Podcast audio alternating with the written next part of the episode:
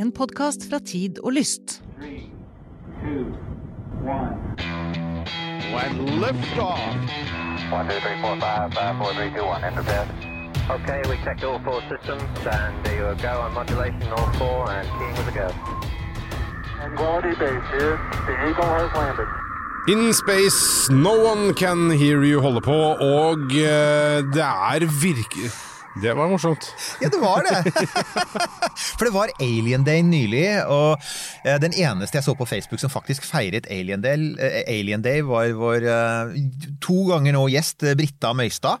Eh, Som eh, filmekspert og alien-ekspert, som faktisk, så vidt jeg skjønner, har fødselsdag på Alien På Day. Og mer passende er ikke det, for det, var jo det, det er jo det hun er ekspert på. Ja, okay. men- så det var, derfor, det var derfor jeg lo. Eh, litt ukjent med merkedagen Alien Day. Hva, hva skjer på den Jeg er ikke helt sikker, men jeg, liksom, jeg får en sånn følelse at det er sånn, sånn chestbusters og sånn, men det er sånn Ja, det er, da man skal, det er jo noe å feire. Det er noe å feire, ja, blod og gørr, ja. ja, og gleder meg også til vi i framtiden skal feire covid-dagen. Da skal alle sitte inne og se ut på en verden som står helt stille. Ja. En strålende merkedag. Det er litt sånn som første juledag, føler jeg. Det, det blir covid-dagen. Ja, jeg, jeg vet at for mange her så er det litt sånn intern Oslo-humor, men, men vi, jeg kan faktisk se ut av et vindu ut på en gate som er som første juledag slash evakuering før tredje verdenskrig. Det Ja. er litt sånn. Er vi, der, vi er litt der fremdeles. Alle dager har det vært sånn. Men, øh, og Uansett. så er jo det, og litt av man må si det også, litt av årsaken til at det nå er en sånn glede. For at det er jo lenge siden vi har sett hverandre, ikke sant? Ja da, og det er jo helt riktig. Det er jo covid, det er jo litt av årsaken, men også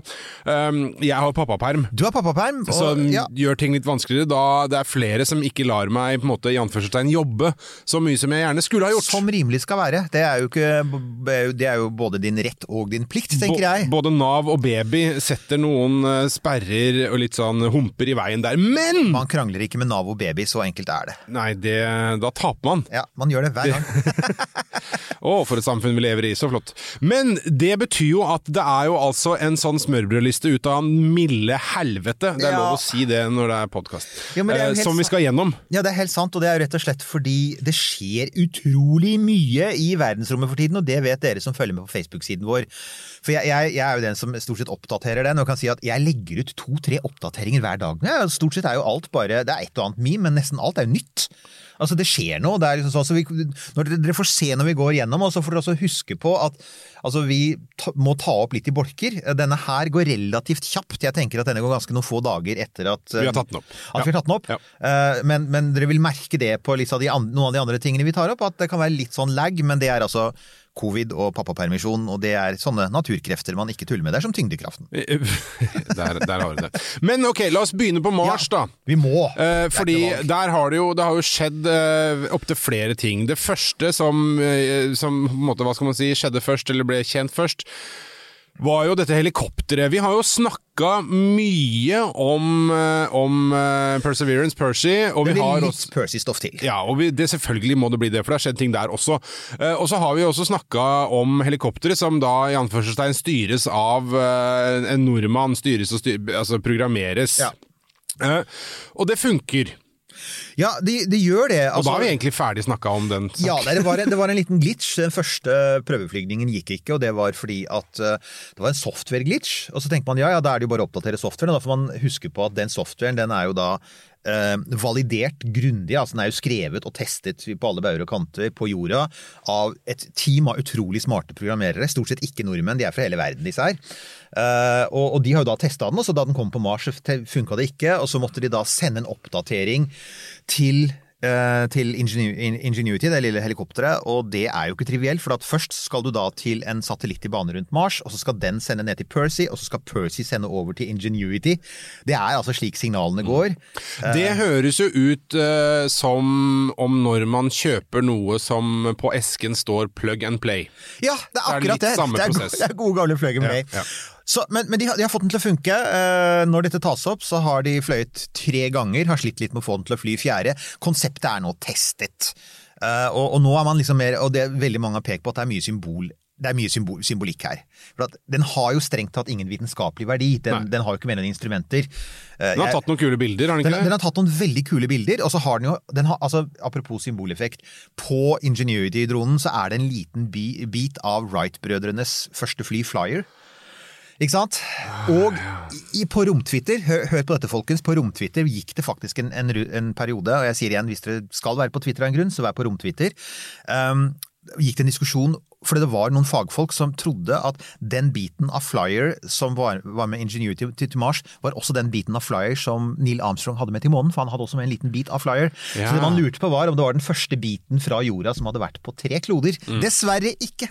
Men du, ikke. eh, bare øh, når, du, øh, når du nevner Når du nevner månen og, Ja. og Armstrong Så Nå hopper jeg litt i planene dine her, men Michael gjøre det. Collins, Michael Collins. Rest his, uh, his spatial soul. hedersmann, det er jo det alle sier. Det han, altså, vi veit jo at noen av disse astronauttypene har vært litt kontroversielle. Noen av dem har litt sånn eh, litt voldsom personlighet, for å si det sånn. Eh, Og det Buzz Aldrin er et kjent eksempel på det.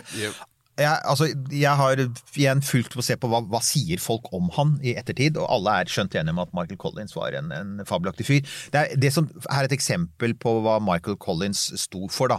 Det var han som designet mission-patchen uh, til Apollo 11, og den er en av de få fra Apollo-programmet som ikke har noe navn. Det er bare denne ørnen med med en sånn olivenkvist tror jeg det er, som lander på månen. Den skal jo være fred. Det var ikke, den landet ikke med piler, som er krigssymbolet. Mm, ja, det var lurt. Så de kom i fred, lander på månen uten noe navn, og det var for å symbolisere ikke bare de tre som landet på månen, men de 400 000 som gjorde det hele mulig. Så det, det er han, ikke sant. Han, var, eh, han, han fløy to ganger. Han fløy var det Gemini, Gemini 10, uh, og deretter med Apollo 11, og deretter aldri mer. Og etter det så ble han direktør for, ja, Jeg tror han ble en av de første direktørene for Air and Space Museum i Washington DC, hvor jeg ikke har vært, men det er jo liksom sånn, det er jo drømmen. Jeg har skjønt det at det beste flymuseet i verden er Air and Space Museum i, i Washington DC. Han var med i starten av, av det. Og så skrev han altså, det kan jeg si med en gang, han skrev jeg har lest masse astronautbøker. Han, Du, det tviler jeg ikke et sekund på. Nei, jeg samler faktisk på dem, og jeg har til og med noen sånne originale med sånn, sånn signert av Mercury-astronauter, sånn som er litt kule.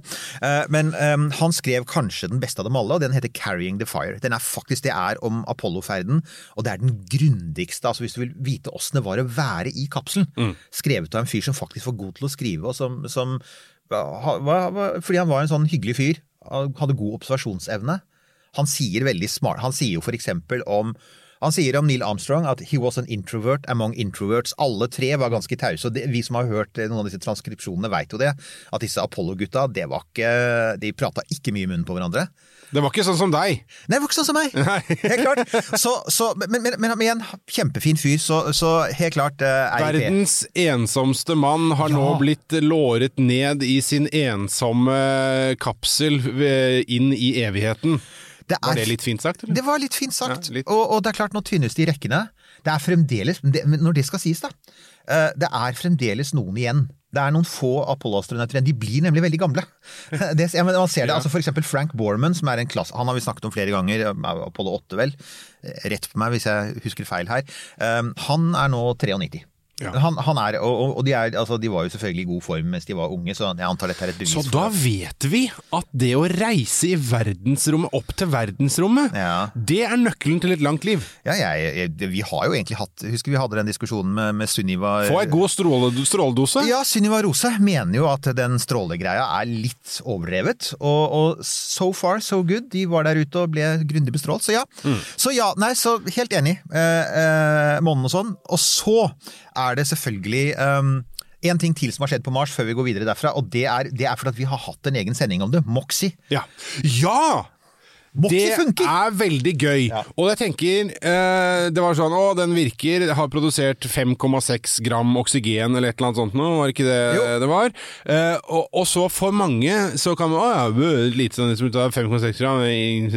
Så kjedelig. Men dette er jo veldig viktig. Dette er egentlig mye større enn dronen. Det er det det er. Ja, ja, ja, ja, For. Dette her er, det er første gang man har produsert en viktig ressurs for mennesker, pusteoksygen og oksygen til å fly tilbake til jorda med raketten.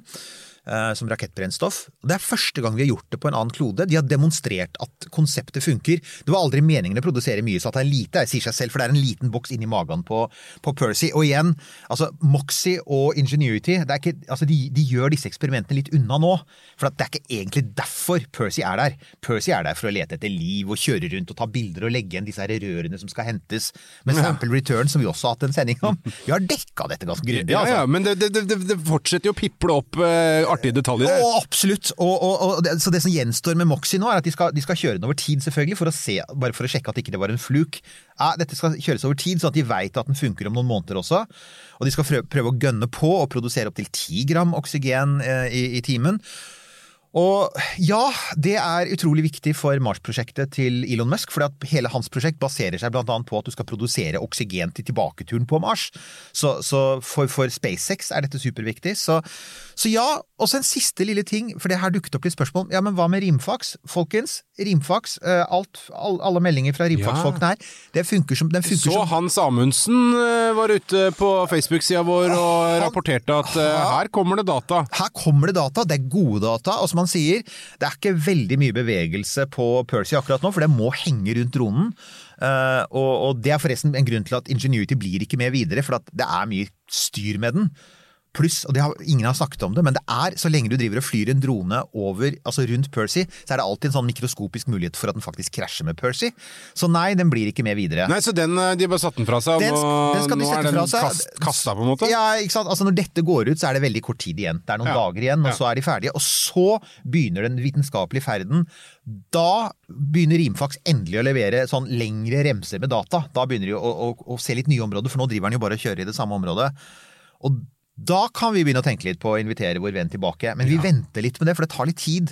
Og jeg vil gjerne at, og som, og som også Hans Amundsen sier, han sier det kommer altså, De har ikke begynt å publisere ennå. Og det er ikke noe vits i å ha uh, en fyr som Svein Erik Hamran i studio før han er, liksom, har publisert og er trygg på at ok, dette er ting de kan gå ut med. Men det funker. Det er eh, Alt funker. eh, All is well on Mars. Du, eh, det er morsomt du sier. Det er jo det. Er det alt har jo funka! Ja. Jeg er så imponert. Ja. Landingen var perfekt. Liksom sånn, alle eksperimentene, kameraene funker, signal ah, altså, Så langt må jeg si at dette er jo disse folka. Altså, Vi kan bare gå nedover herfra. Ja, der, der sa du det. Takk. Det er, dette, er, dette er covid Sorry. som snakker. Det er eh, østlandscovid. Ikke meningen å være Ja, ja, ja, ja. partypooper. Men, men det, er, det er gøy. Og igjen da, så får vi bekrefta det du har sagt veldig mange ganger, at dette her med rovere og satellitter og sånn, det får NASA til. Det å faktisk skyte de opp i verdensrommet, not so good at that. Det er noen andre som kan ta seg av. Og da kommer vi til liksom neste punkt på lista Ja. her. Eh, flere folk eh, i verdensrommet Kan jeg bare få lov Apropos det, altså, Ja. vi snakker om Crew, Crew Dragon 2. Eh, eh, men det som var så Marianne eh, Vinje Tantio, som eh, er vår hus, husgjest, Ja. hun sa eh, Og jeg husker jo ingenting, så jeg husker jo ikke om dette her ble sagt på lufta, eller om hun sa det etterpå. Det som er litt sånn morsomt å tenke på, det var i forbindelse med romstasjonen. Så sa hun det at det ikke siden eh, altså på Det er mer enn 20 år siden all jordas befolkning har vært samla på jorda. Det er helt sant. Den har vært konstant bemannet Ja. og bekvinnet, for å si det sånn.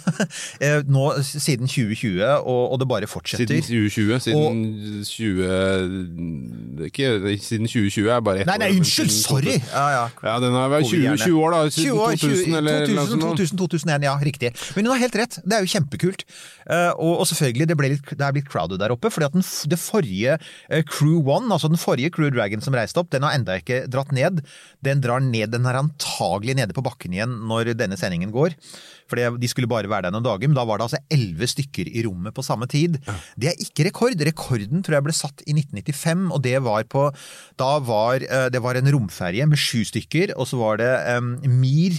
Uh, som var den gamle russiske romstasjonen før ISS. Eh, og den hadde vel da tre om bord, og så var det tre på vei til Mir. Ja. Så da var det ja, 6 pluss 7, så det var 13. Det er det meste. Men det er klart, eh, som vi kommer til litt etterpå, det, det der kan komme til å forandre seg fort, da, for nå, nå skjer jo ting der òg. ja. Men jeg vil bare si veldig fort altså, hvem som er med der oppe, da, for at de har sendt opp disse folka i rommet. Og Det er altså eh, det er to amerikanere, Shane Kimbrough og Megan McArthur. Og Megan hun er interessant, for at hun var med å fikse Hubble-teleskopet sammen med en viss Mike Massimino. Ja!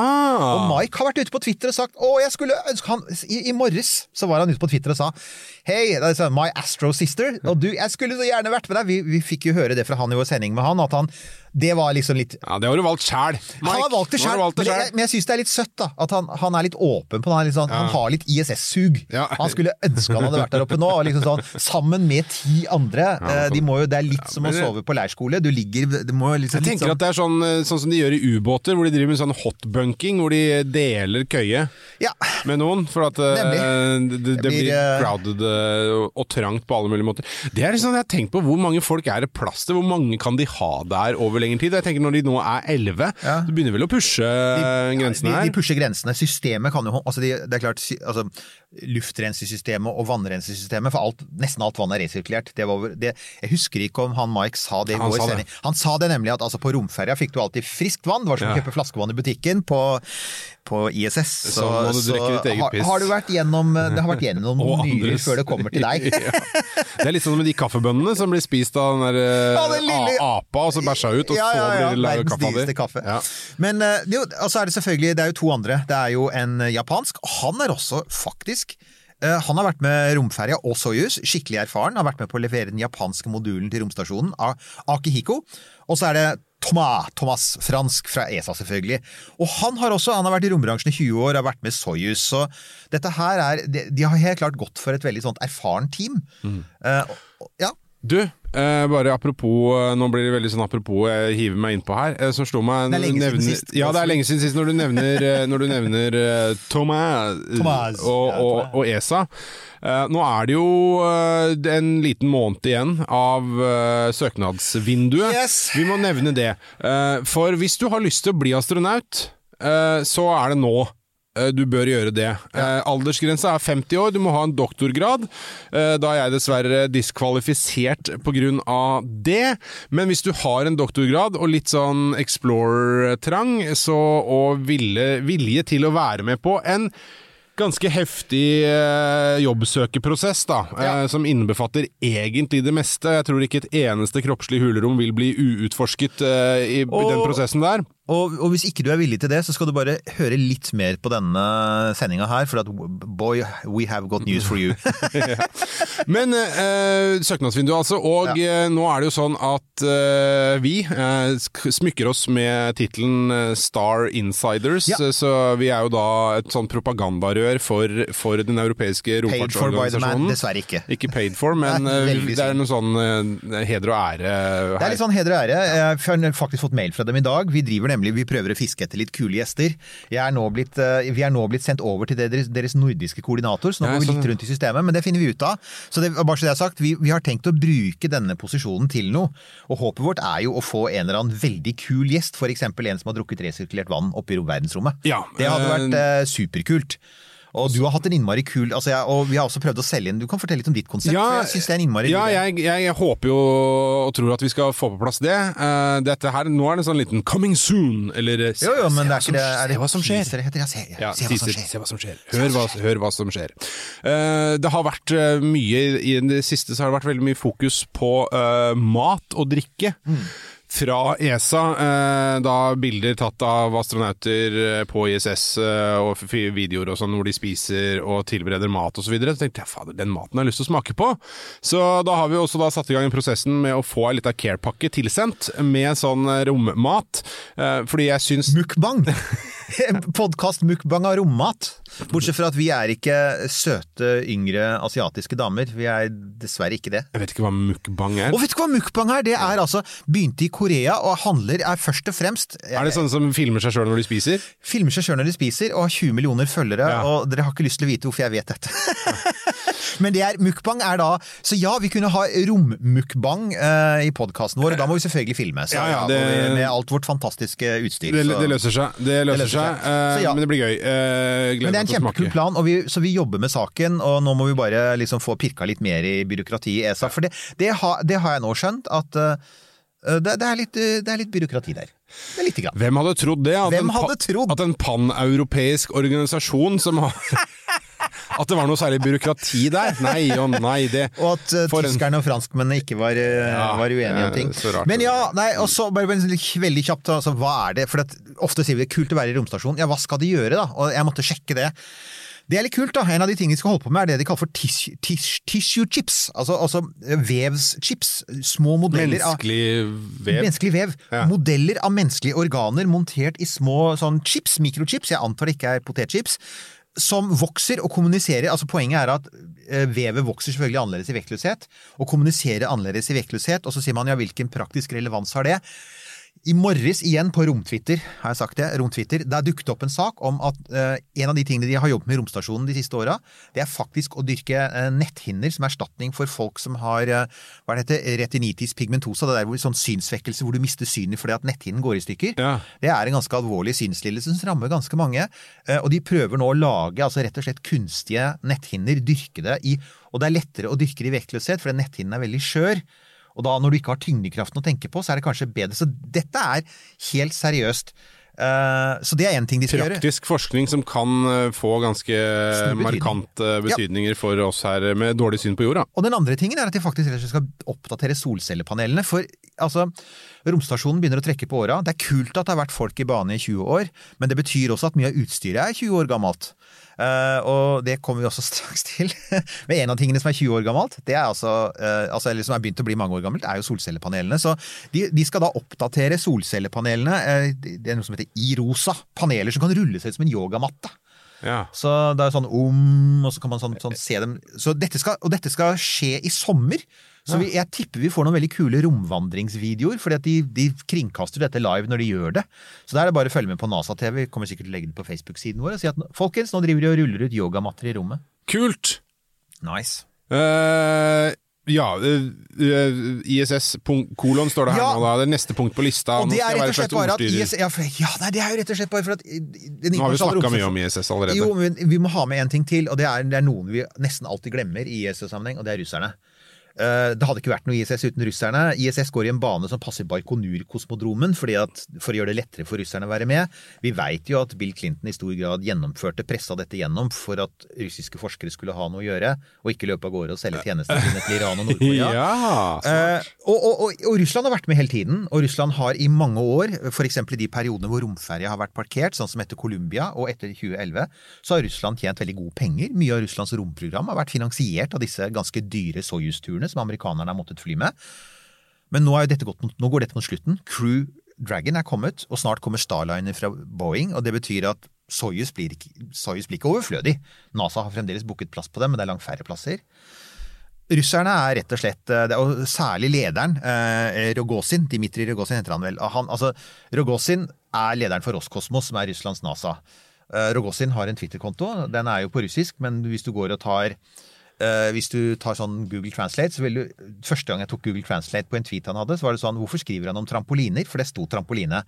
Ja, han kaller faktisk eh, Falcon 9 for en trampoline. Altså gjenbruk av, gjenbruk av raketter er som å hoppe på trampoline. Ekte mannfolk flyr med Soyuz. Og, og Soyuz-raketten. Og Soyuz-raketten kan som kjent overleve ulveangrep. Og den, den kan faktisk, lærte jeg her om dagen, du kan montere motoren på en Soyuz-rakett med en vanlig skiftenøkkel. Det er totalt Det er skikkelig god gammeldags. Samtidig så er det sånn deilig, sånn arkaisk, Ja. eh, toksisk eh, maskulinitet eh, som kommer ut av det der. Som er Til litt de sånn- grader. Det er litt Men det der, er, jo, det er jo Russland, da. Når presidenten går rundt i snøen og skyter bjørner i bar overkropp, så er det jo sånn det skal være der. Rogozin gjør det samme. Jeg leste et intervju med han for noen måneder siden hvor han sa jeg er fremdeles kommunist. Han kommer jo fra sovjetsystemet. Eh, Det har kommet mye korrupsjonsanklager, selvfølgelig. Kvinnesynet hans, som du sier, er elendig. Rogozin er en av dem som jo mener at det er for mange kvinnelige astronauter der oppe, og skylder på kvinnelige astronauter fra USA for tekniske feil. Så jeg regner med at hun Megan, eh, venninna til vår venn Mike, Ja. Megan MacArthur, hva hun heter, jeg regner med at hun hun er sikkert blitt brifa på det, at du kan regne med litt, litt trolling. Ja. Altså, og da ikke trolling fra russiske vanlige russere, men trolling fra sjefen for Russlands NASA. det det, er er det. liksom, det er litt er der vi er. fint. Og det, det, grunnen til at vi nevner dette, er at siden sist vi hadde en oppdatering, så har eh, var det visestatsministeren med ansvar for romfart i Russland, han har gått ut og sagt at de vil trekke seg ut av hele ISS-samarbeidet fra 2025, det er ikke så lenge til. Noe av det handler om at utstyret begynner å bli gammelt, så han mener rett og slett at og det, Å ja, for det er ikke det russiske utstyret som de har på sånn generell jo, det basis? er, og jeg tror vi må nevne Det er en modul der oppe som heter Zvesta, som var en veldig viktig russisk modul. En av de tidlige modulene. Um, den har hatt en lekkasje nå. Nå er det vel, er det Ja, den har holdt på å sive litt oksygen Ja. eh, kjempelenge, Og de har slitt enormt med det. De russiske mannskapet om bord i ISS har brukt masse tid på å prøve å fikse lekkasjen i Svesta. Eh, og, og, og har gang på gang eh, og Det ser ut som det er en lekkasje i selve docking, eh, altså der hvor romskip kobler seg til. Dette er begynt å bli sett på som pinlig, så det er, det, blant annet derfor så har de også begynt å snakke om at ja, men dette er kanskje ja, så skal de tøffe seg for å glatte over egne problemer og sånn. Ja, det er jo Ja. deilig russisk, ja. Så, og så liker de altså igjen De liker jo De liker eh, altså, de liker, altså Russland har jo generelt begynt å få et dårlig forhold til USA igjen. Og ikke minst, de misliker jo Elon Musk særlig. Og det, har nok, det er jo den gamle historien om at Elon Musk forsøkte å kjøpe raketter av dem. Og så prøvde de å skamme han. Altså sa Ja, ja, ja, her ja. kommer en jypling med Ja, ja, full av penger. Så la oss selge den gamle ICBM-en for ti ganger verdien. ikke sant? Og han dro tilbake og ble pissesur, satte seg på flyet, tok fram en sånn cocktailserviett, tegnet en rakett som kunne og Ja, den er build my own-rakett, ja. Ja, da, da bare bygger jeg min egen rakett, ikke sant? Og det har de aldri tilgitt han. Nei. Så det er mye, det er, det er mye undertekst her. Og så er det selvfølgelig den siste tingen som gjør at dette kan bli aktuelt, og det er at fra og med i går så har ISS er nå ikke lenger alene der oppe. ISS har fått følge av det som for, nå, som også de som har skutt den opp, de forkorter den CSS, som er China Space Station. Ja. Den er nå sendt opp. 1202.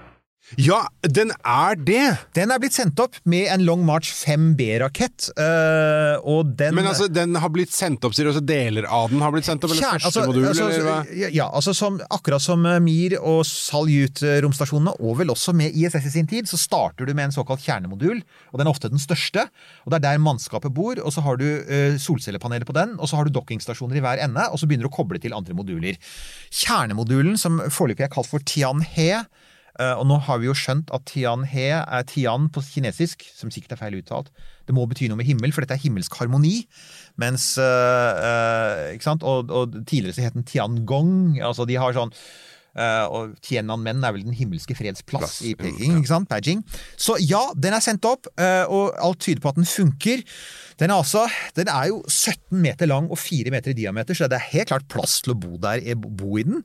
Um, og allerede i juni så skal, eh, så skal et bemannet eh, romskip, og dette er jo en av disse her eh, eh, nå husker jeg ikke hva kinesernes bemannede romskip de skal sende opp et, de skal sende opp et mannskap på tre til den i juni. og og Der skal de bo, og så skal de begynne å koble på moduler etter hvert. og Til sammen så skal det bli elleve moduler, vitenskapelige moduler. Den kommer ikke til å bli så stor som ISS. Eh, de regner med, altså Det de har sagt foreløpig, er at de, de satser på en sluttvekt på rundt 66 tonn. Og, og ISS er gigantisk, det er 420 tonn, så det er kjempesvær. Men, og her kommer klinsjen, at det som gjør det De har lagt til én ting som er litt kult. Eh, I tillegg til selve En laserkanon! Nei, i Nei. tillegg til selve romstasjonen så skal de sende opp rett og slett et kinesisk Hubble-teleskop, altså i samme klasse. Og, og, det er, Ja. og det skal gå i nesten samme bane som Tianhe, sånn at det kan vedlikeholdes og de kan mekke på det. For det var jo et problem med Hubble, det vet vi jo. Ja, ja, ja. Det, det var jo derfor Mike og vennene hans var oppe og fiksa det to ganger. Ja. Bare han, og de fiksa det vel til sammen fire. Eh, Det Kineserne sier at nei, men vi, vi, vi skjønner at vi, når vi sender opp et romteleskop i Hubble-klassen, så må det mekkes på. Men da, da sørger vi bare for å gi det samme bane som romstasjonen. Og som jevne mellomrom så kan man liksom gasse litt på og ta det inntil, og så kan de gå ut og skru og mekke. Og så har de en romstasjon rett ved siden av seg. Eh, Så, så, så ja. Men, men, uh, men Eirik, Uh, hvis eh, Altså, du sier at eh, vår, eh, vår arkaiske venn Rogozin er ute og eh, troller på Elon Musk og på amerikanske astronauter osv. Og, så eh, og så driver kineserne og skyter opp en romstasjon. Ja. Rogozin sier at eh, nei, vi vil ikke være med på ISS lenger, eh, og sikkert noe sånn russisk svordom. Kan det da tenkes Ja. at eh, russerne går annensteds hen? Det er egentlig ganske åpenbart at det er litt, altså kineserne og russerne har allerede inngått et månesamarbeid, en konkurrent til NASAs Artemis, som vi er med i- gjennom ESA. Eh, og ja, de har allerede sagt at de vil ha internasjonale partnere på romstasjonen. Jeg vet at også ESA kan være interessert i det, for her, her kommer jo det som er litt sånn kleint, da. og det er USA har jo strenge regler mot å ha kinesere nær amerikansk høyteknologi, så kinesere får ikke lov til å være på den internasjonale romstasjonen. Kineserne har egentlig bare vist amerikanerne en viss finger og sagt ok, da gjør vi det sjøl. Ikke bare det, men vi går til partnerne deres, altså russerne og ESA, så sier vi vil dere være med på vår også.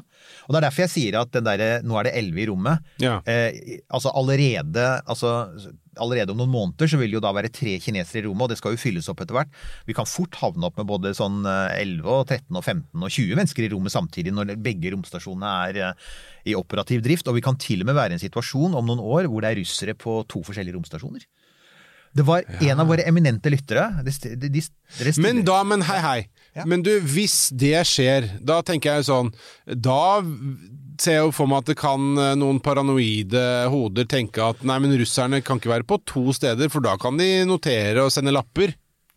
Nemlig. Og det er jo en ting som og det er jo, altså, det, Dette er på sett og vis også et eh, politisk spill overfor amerikanerne. Og det er hvis, hvis dere dropper oss helt fra ISS-samarbeidet, hvis dere bare lar uh, SpaceX og Boeing skyte opp deres uh, astronauter, så har vi nå en annen kunde. Ja, ja Eh, ikke sant? Og, og, og, og som sagt, en av våre eminente lyttere de, er, de stiller veldig gode spørsmål. Dette er et sånn typisk lytterspørsmål til vår podkast. jeg lurer på en ting. Har kineserne samme type dockingport, altså samme type tilkobling, som den internasjonale romstasjonen? Og det er jo et innmari godt spørsmål. fordi at det er selvfølgelig, altså det finnes jo ikke egentlig noen internasjonal standard for dette. her, Man kan jo gjøre det som man vil. Det er ikke ISO-sertifisert. Det er ikke ISO-sertifisert, men amerikanerne og russerne har som rimelig kan være utviklet en felles dockingstandard. Den er for øvrig ah, De, de gamle dockingmodulene var jo som regel sånn male-female. At du hadde en, en, en mottaker, og så hadde du en probe som du dytta inn. Eh, Det har man ikke lenger. Nå er begge to sånn at det er mer sånn tilkobling, tre sånne klyper på hver som klyper tak i hverandre, og så dras inntil hverandre. Eh, Og Grunnen til at jeg sier det, er at man kan se på utsiden av de kinesiske, for kineserne holder jo kortene tett inntil brystet. Det er veldig mye ikke de forteller oss. Men folk som har sett på bilder av dockingstasjonene på, på Tianhe-rommodulen, sier dette ligner veldig på det som russerne har. og Med andre ord, det som russerne har, er kompatibelt med det som amerikanerne har. Og det er nok fordi de igjen ønsker seg internasjonale partnere. De ønsker ikke å ha en situasjon hvor liksom vi har en egen kinesisk standard.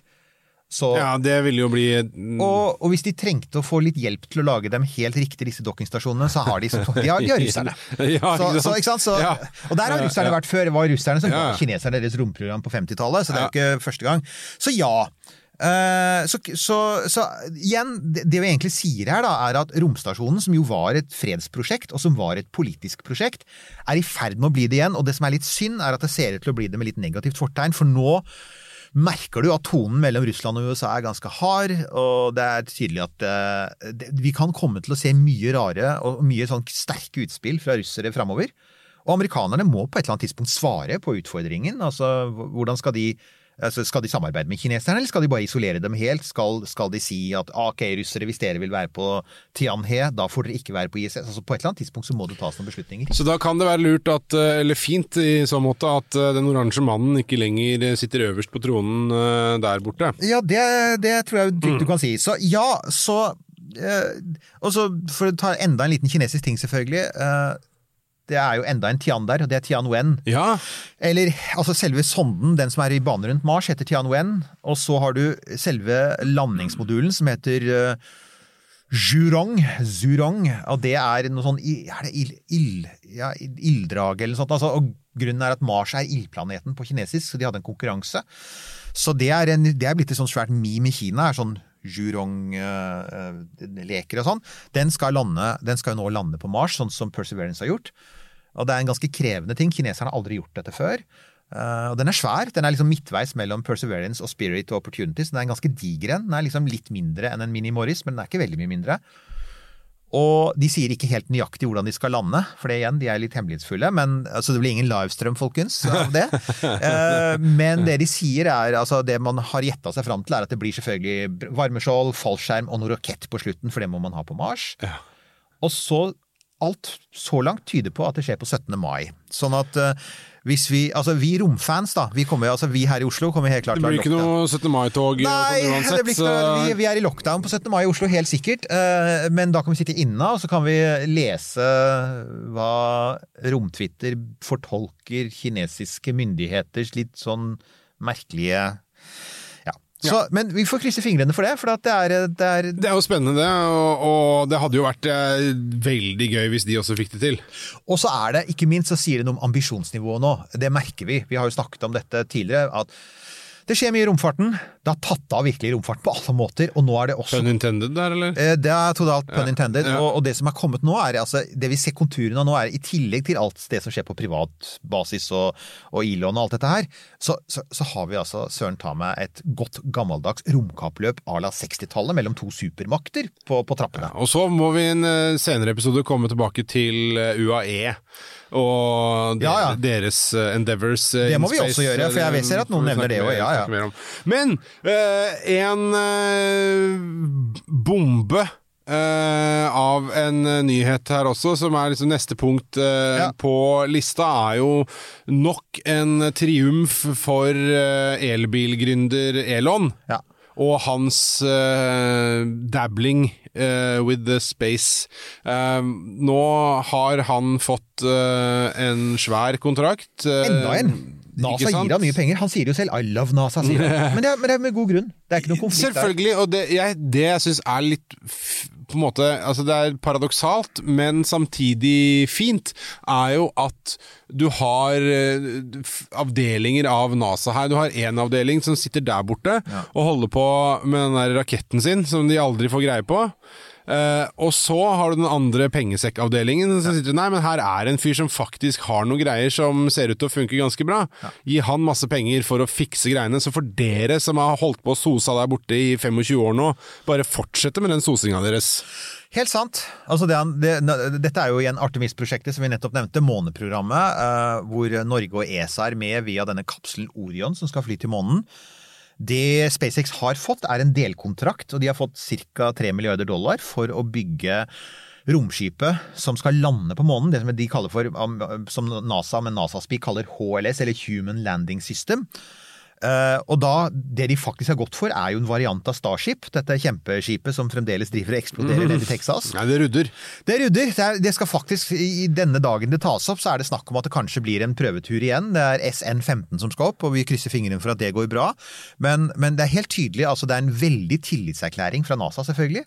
Når de sier at uh, vi tror såpass på dette her ville prosjektet at vi er villige til å investere i det som faktisk er. Det er jo nesten 30 milliarder blanke norske kroner. Det er innmari mye penger å gi til et prosjekt som tross alt først og fremst har utmerket seg ved sine store oransje ildkuler, sånn Hollywood-aktige ildkuler på slutten av hver. Men det folk påpeker, da, som jeg synes det, og det har ikke jeg tenkt på, men det er eh, dette har helt klart vært en del av Elon Musks strategi. Han, han, det var tre stykker som bød på dette her. Det var eh, Jeff Bezos med Blue Origin, altså Amazon sitt uh, selskap. De hadde en veldig sånn konvensjonell månelander. Den var en sånn litt forstørret variant av Apollo-delen. Så var det et ganske kreativt prosjekt fra et selskap som het Dynetics, og det var en slags sånn Lego-modul. altså en sånn, Du kunne koble det sammen til å lage en stor base. Det var også ganske kult. Problemet til begge de to var at det var mye dyrere. Og ikke minst, ingen av dem hadde noensinne fløyet en rakett i rommet. Mens eh, altså SpaceX for alle sine rudder, de flyr raketter i rommet hele tiden. Og eh, i forhold til Blue Origin, jeg tror pris Altså, de fikk tre milliarder. Eh, jeg tror Blue Origin skulle ha i hvert fall tre ganger så mye. Oh, ja, okay, så, ja, så det var, og, og, og det er da NASA sier at vet du hva, så langt har Kongressen bevilget 1 milliard dollar for å få ekstra for å få mennesker til månen innen eh, 2024, som var Trumps mål. Og som de sier, med de pengene kommer vi ikke til månen i 2024, og ikke, ikke 2030 heller. Så nå går vi istedenfor å gå for flere konkurrenter om denne månekontrakten, så går vi for én, og vi går for den billigste. Ja. Så det er også en signaleffekt. Men, eh, men som da mange har påpekt, eh, en av grunnene til at det har vært testa så intensivt i Texas nå i vår, for vi har sett mange eksplosjoner, er fordi at Musk visste om denne kontrakten, og han har spilt et ganske høyt spill for å på en måte demonstrere, for, for å demonstrere vilje. For at Starship har det vært mange konsepttegninger av, nå flyr de i hvert fall. Og ja, det eksploderer, men det flyr i hvert fall, i motsetning til det derre vakre Ja, og det eksploderer jo på landinga. Ja, og, Det, er jo et, eh, det, det, det, flyr jo opp i riktig retning. Og her er jo greia, når du lander på månen, for at det, det de skal gjøre er at de skal bygge en variant som heter Lunar Starship. Den kommer ikke til å ha de store klaffene på siden. Den kommer ikke til å ha de svære motorene under, og det er fordi at eh, hvis du lander på månen med motorene nederst, så blåser du ut så mye sand og støv at du faktisk kan skade ting i nærheten. Så motorene sitter istedenfor midt oppe på skroget. Det ser litt rart ut, men det er et sånt gammelt rakettkonsept. Det det betyr, er at du skal ikke ha noe flipp på slutten, du skal bare lande Ja. helt vertikalt. Det blir en veldig enkel landing, sånn at, at de kan, som jeg sier, stikke, som amerikanerne, stick the landing. At de kan bare få den til å lande vertikalt, det gjør de med Falcon 9 hele tiden. Så det, er- det NASA da sier er, ok, den flippen de gjør i Texas, den gjør de kun fordi at du skal lande i en atmosfære. Når du skal lande på månen, og for så vidt på Mars, så skal du ikke gjøre den flippen på den måten. Da blir det annerledes. Uh, og det er jo um, Så ja, eh, det var et eh, høyt spill, og det vant Elon Musk, og det er Jeff Bezos kjempesur for, så de har levert inn klage. Ja. De mener at de har gjort formelle feil, og da Elons svar da han fikk høre om klagen, han gikk ut på Twitter og sa 'can't get it up', to, også i parentes 'to orbit', lol.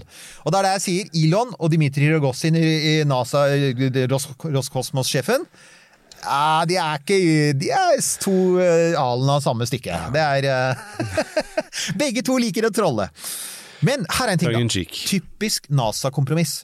For ja, du skal ha Lunar Starship, skal frakte astronautene fra bane rundt månen og ned til overflaten. Det er det eneste de har fått kontrakt på. ja, Så hvordan ja. kommer de seg til månen? ja. Det blir med SLS, den svære raketten som aldri er ferdig, og Orion. Ja. Og, og hvorfor det? Jo, blant annet fordi at hvis de hadde gjort noe annet, så hadde du sabotert hele samarbeidet med ESA, for ESA er i dette pga. Orion. Ja. Du hadde gjort så mange kongressrepresentanter som er i distrikter der SLS bygges, så Mm. pissed at det hadde vært politisk umulig. Så det NASA nå sier, er det som vi Det er det sånn, det vi pleide å kalle Ole Brumm-politikk. Ja takk, begge deler. Mm. Og vi er i et, eh, en sånn uh, byråkratisk runddans om å få snakke med en astronaut. Da kan du tenke deg hva de holder på med. Ja! Uh, hvor Ja. Men, men, men bare sånn siste lille ting der, da. Altså, det, altså Lunar Starship, det finnes noen konsepttegninger jeg har lagt ut på Facebook-siden vår.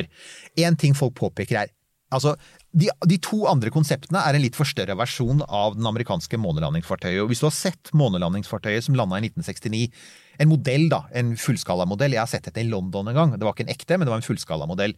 Det er smått, det er trangt. Lunar Starship, 50 meter høyt, ikke sant? Hva er det, en 12 etasjes bygning? Det er jo en full, det er en full Starship, bare med noen modifikasjoner.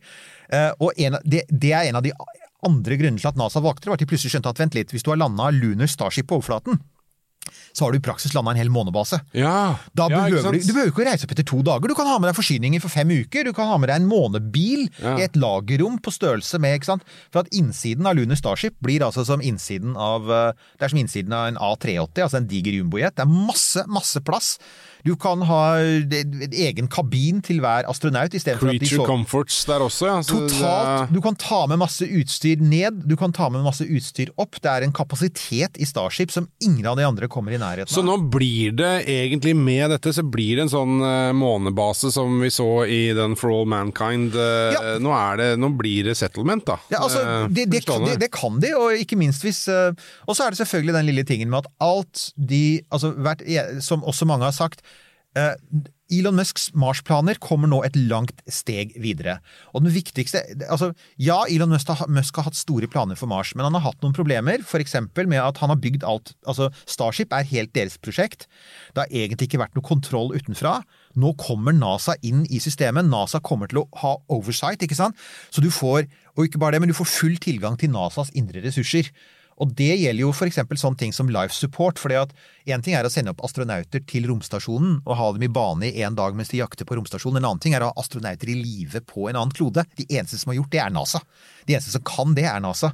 Så det som SpaceX nå får, er jo både penger, men også massiv support og backing fra et system som da sier at Som også, som, som NASA har sagt, vi skal jo til Mars. Så det veldig mange spekulerer på nå, er selvfølgelig eh, hvis de lykkes med Lunar Starship, så er det veldig kort vei for NASA til å si men vet du, eh, vi er all in på den Mars-ferden din, Elon. Og dette vet selvfølgelig Elon Musk innmari godt. Han vet Ja, hvis de lykkes med dette, så er plutselig den Mars-ferden så mye nærmere, for at da har du USAs regjering i ryggen, ikke sant. Spennende. Så det er kjempespennende. Dette her er Så ja, når folk sier det, it's huge! Gode dager for, eh, for en eh, liten eh, elbilprodusent borti statene, du. Det skal han ha. Ja, Og det er mer godt nytt uh, fra han også. ja. Har du fått deg abonnement? Jeg har Enda, jeg har ikke det ennå. Vi snakker selvfølgelig om Starlink, som bare ruller og går så det uler. Det var, var vel i forgårs så var det nok en sånn Starlink-oppskyting. Eh, disse rakettene går opp og ned, de bruker trinnene om igjen og om igjen. Eh, den som ble skutt opp for to dager siden, hadde første trinnet var blitt brukt sju ganger før. eller noe sånt. Altså, det er jo, som folk sier, bør, ikke, bør man ikke begynne å gi disse trinnene navn? De lever jo så lenge at de burde jo som romferja ha et eget navn. Uh, ja, uh, det veldig mange peker på er jo at uh, um, Starlink-prosjektet får blir stadig mer altså det, det er litt som Lunar Starship. Du, du får stadig mer offentlig backing for det. Det startet som en sånn derre vill altså, det, Vi begynner å se mønsteret nå. Det er som med Tesla. Starter, Tesla starter som en sånn vill idé med å bygge elektriske sportsbiler.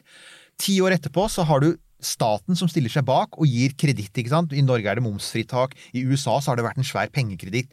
Plutselig er alle enige om at, at det offentlige må hjelpe, eh, må hjelpe Tesla med å få elektriske biler på veiene. Så er det blitt sånn, nå er det blitt sånn med, det ble sånn selvfølgelig med Crew Dragon og med Falcon 9. Det er blitt sånn med Starship. Nå er, kommer NASA og sier ja, vi skal bygge Starship. Nå er det også blitt sånn med, med Starlink, dette her satellittnettverket. De har fått offentlige midler. Og det som nå har blitt påpekt, er at de fikk opprinnelig 1 milliard dollar for å, sende, for å bygge ut eh, bredbånd i rurale strøk i USA. Ja, stemmer. Ja. Men så er det mange som peker på at det var en, det var en totalpakke på 10 milliarder dollar, altså nesten 100, millioner blanke norske, 100 milliarder norske, blanke norske kroner. Uh, og veldig mange andre er med å by på det. Men poenget er at veldig mange av de leverandørene, sånn som Comcast og sånn, sånne store amerikanske leverandører, de har ikke noen evne til å levere til de fjerneste distriktene i USA. Så det de må gjøre, er at de må gå, de må gå til en annen aktør for å få dem til å ta det oppdraget for, på- for dem.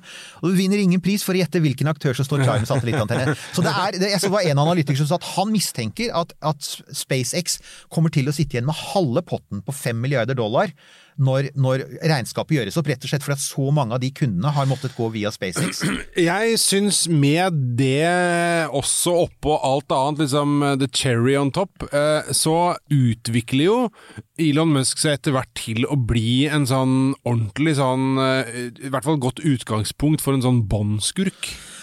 Han har verdens beste og han kan til og med være det på Mars. Han kan ha et stort palass på Mars, for han sitter der med Han har jo både hund og katt, så han kan faktisk sitte der med en katt. Ja, ja, you og- must give me 100 million dollars or I shall destroy the earth. Men her er jo saken, da. Altså, han, altså, hvis dette stemmer, og det er mye som tyder på det, så betyr det at allerede nå, før du i det hele tatt har begynt å få særlig mange kunder, så går Starlink med overskudd. Det er poenget. Det er allerede en pengemaskin, sier han, denne fyren. Han sier at de får disse offentlige kontraktene, og når nettverket er oppe, så har de hele verden. For at alle land kan jo da faktisk I alle land vil det komme eh, tilbud om et Starlink-abonnement, bortsett fra Nord-Korea og Iran. Ja. Eh, Og antagelig Russland og Kina. Men bortsett fra Russland, Kina, Nord-Korea og Iran, så vil alle land og, og da er det to, to ting til som har skjedd siden sist vi hadde en oppdatering om det. og Det ene er at nå har Starlink faktisk fått lov til å senke banene sine litt for å gi enda bedre dekning og raskere nett. Gjett, altså, og, og der har Jeff Bezos vært på banen igjen og protestert, og tapt protesten igjen. Han får den helt klart ikke opp. Og så, og så er det en ting til, og det er, og det er at det, og det har faktisk noen av lytterne våre spurt om, men, men hva med dette med altså disse antennene? De har vært bundet til en viss adresse. Ja. Altså Du kjøpte en antenne, og så plasserte du på taket ditt, så kunne du ikke flytte den. Det forandres nå snart. Og Det vil si at du kan ta med deg antenna hvor du vil. Så hvis du har en RV i USA, så kan du kjøre hvor du vil. Men det viktigste er selvfølgelig du får det på båter, du får det på fly, du får det på den der nye elektriske Tesla, Tesla Semi, den elektriske lastebilen. Ja, ja. Og, og så tenker jeg, ok, hva kan en elektrisk lastebil med bredbånd gjøre? Gjett tre ganger hvor mye data de kan, ikke sant? Hvor mye selvkjøring de kan gjøre. Så du begynner å se konturen av en stor båndplan. Ja, ja, ja, og nederst på liksom den der lista til eh, to do-lista til Elon Musk eh, står det med store røde bokstaver 'World Domination'. Og her er jo greia, da, for veldig mange nordmenn vil komme til å merke dette snart. For I deler av landet er det sånn at ja, men Tesla er ikke for oss, for at vi trenger diesel, for det er, det er lange veier. Ja, det er helt sant, men det er de samme delene av landet som har ofte har innmari dårlig bredbånd og dårlig nettforbindelse, ikke sant, og dårlig telefonforbindelse. De delene av landet vil best tjene seg Starlink. Så distriktene i Norge, for nå, det er fremdeles en diskusjon i Norge med avsidesliggende små, små bygder som, som, som Telenor og Telia ikke klarer å dekke, og som de ikke har råd til å dekke, og så blir det svære krangler om det. Og min spådom er jo at i løpet av to til tre år så er den diskusjonen mer eller mindre over. For da du setter opp den antenna på taket, og så har du, uh, har du superbredbånd. Og ikke minst, og her, her er en liten ekstrabonus til, til dere som bor sånne steder, og jeg veit at noen av dere hører på oss. Uh, det, Starlink fungerer jo faktisk sånn at um, eh, altså, jo tynnere befolka det er, desto bedre blir bredbåndet, for da er det færre som deler hver satellitt. Ja. Det, det er grunnen til at Starlink egentlig ikke vil funke særlig godt i storbyer. for der vil det liksom er være sånn for, for mye trafikk. Ja. Ti 10 millioner New Yorkere skal snakke med fem satellitter, men hvis det er f.eks. 500 mennesker i utvøy, ikke sant? utøyvær i Ja. et eller annet sted ute ved kysten Nå hørtes jeg veldig oslosk ut, men jeg vokste opp i Bærum. Så man får Men det er et, et, sikkert et sted som heter Utøyvær. ja, og, og dere på Utøyvær, jeg er så glad for at dere hører på. Ja. Uh, jeg bare si, kommer her for å si ikke, jeg vil ikke høre sånn veldig sånn eh, messiansk ut og sånn halleluja, halleluja, men jo, det er gode muligheter for at dere om få år får en superantenne på taket, og at dere da faktisk får raskere bredbånd, fordi det er så få som deler satellitter, enn vi som, som bor inne i sentrum. Da kan dere gå til dere da og si se på hva vi kan gjøre. Vi har sånn 300 megabit. Vi kan se åtte Netflix-kanaler og spille 15 dataspill samtidig. Det kan ikke dere i Oslo-Gryt, da. Nei, det, ja, det er jo en grunn til å flytte ut av hovedstaden for å få bedre internett levert av båndskurk nummer én Ja, da. Musk og hans Spekterhydra. Og jo, en siste, jeg lovet jo en ting til, en siste Ja, ting. ja. Uh, uh, apropos, vi hadde jo en sending om romturisme, det var jo vår forrige. Ja. Nå er det kommet en oppdatering på det. Blue Origin, igjen Jeff Bezos, han har jo skjønt det med all denne ertinga fra Elon Musk. Han må gjøre noe. Uh, en ting de har lovet oss i årevis, det er jo at de skal sende opp romturister med New Shepherd. Og det blir jo ikke opp i bane, men det blir sånn et hopp. Du er vektløs i seks minutter, og så lander du igjen. Nå kom det, eh, nå slapp de nettopp en video som sa 5. mai, it's time, står det på videoen. Og jeg er helt enig, it's about freaking time. ja. Uh, It's time, 5. mai, så slipper de da, da, får de da får vi informasjon om hvordan man kan kjøpe det første setet på Blue Origin sitt uh, Altså New Shepherd. Det spekuleres allerede på Facebook her rundt uh, Ja, hva det sagt, koster. Ja, jeg har gått ut og sagt det. Jeg, jeg, jeg har et rådtips, for lenge sa man 100 000 var den magiske prisen. Jeg tror det blir mye høyere. Det blir, ikke, det blir ikke 25 millioner som en del romturister har betalt på Soyuz, eller 90 millioner som, som NASA betaler for Soyuz, men at det blir, uh, at det blir mye mer enn 100 000, ja. Så her, her altså det, det jeg har sagt da, Nils Johan, det er at jeg har lovet at uh, den som kommer nærmest det virkelig får en shout-out hos oss, si at for at da, da har du vært gjetta veldig bra. Så her er det alt mulig rart. Ja, Og apropos shout-outs. ja shoutouts. eh, Du har en liste, Eirik. jeg har en liste, og den er ganske lang, for det er en stund siden vi har møttes. Eh, Det er alltid veldig hyggelige. Det er våre vips venner Ole Marius, Joakim, Jon Einar, Mathias, Thomas, Elise, Torbjørn, Vegard, Knut. Eirik. Det er ikke meg, altså. Det er en annen Eirik. Det fins flere. Eh, Fredrik, Sigbjørn, Charlotte, Iselin, Stian, Amund, Ingar, Arne, Lars. Og så er det Werner igjen. Vi har altså Jeg kan ikke si hvor glad jeg blir over å høre at det er en som heter Werner som støtter oss. Er, Er det sånn penger som kommer fra Argentina eller noe sånt? Fra Argentina, fra Werner-fondet. Nei, det er Werner. Du har et flott navn. Ja. Eh, Maria og Ida og Bjørnar, og takk til dere alle sammen. Eh, vi setter umåtelig stor pris på, på det. og Vipps-kontoen den fins der ute fremdeles, og det er bare å fortsette å vippse oss. Eh, Keep the romkapsel flying. Vi er eh, på Facebook, som vi har snakket om flere ganger. Romkapsel.no er der. eh, Og med stadige oppdateringer. Hei sann!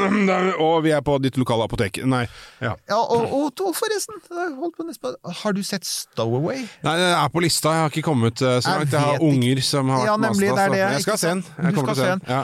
Ta gjør det, og så kan vi se, eventuelt ta en prat om det da. Jeg vil bare si at jeg, jeg er enig med en del av de i kommentarfeltet vårt som har sagt litt sånn.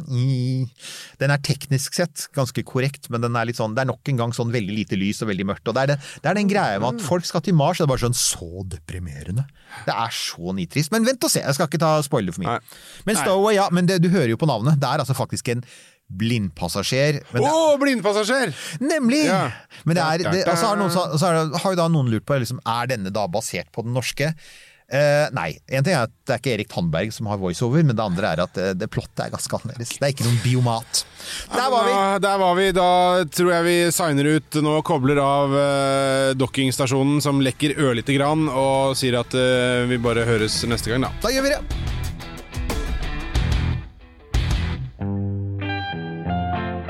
Denne Podkasten er produsert av Tid og Lyst.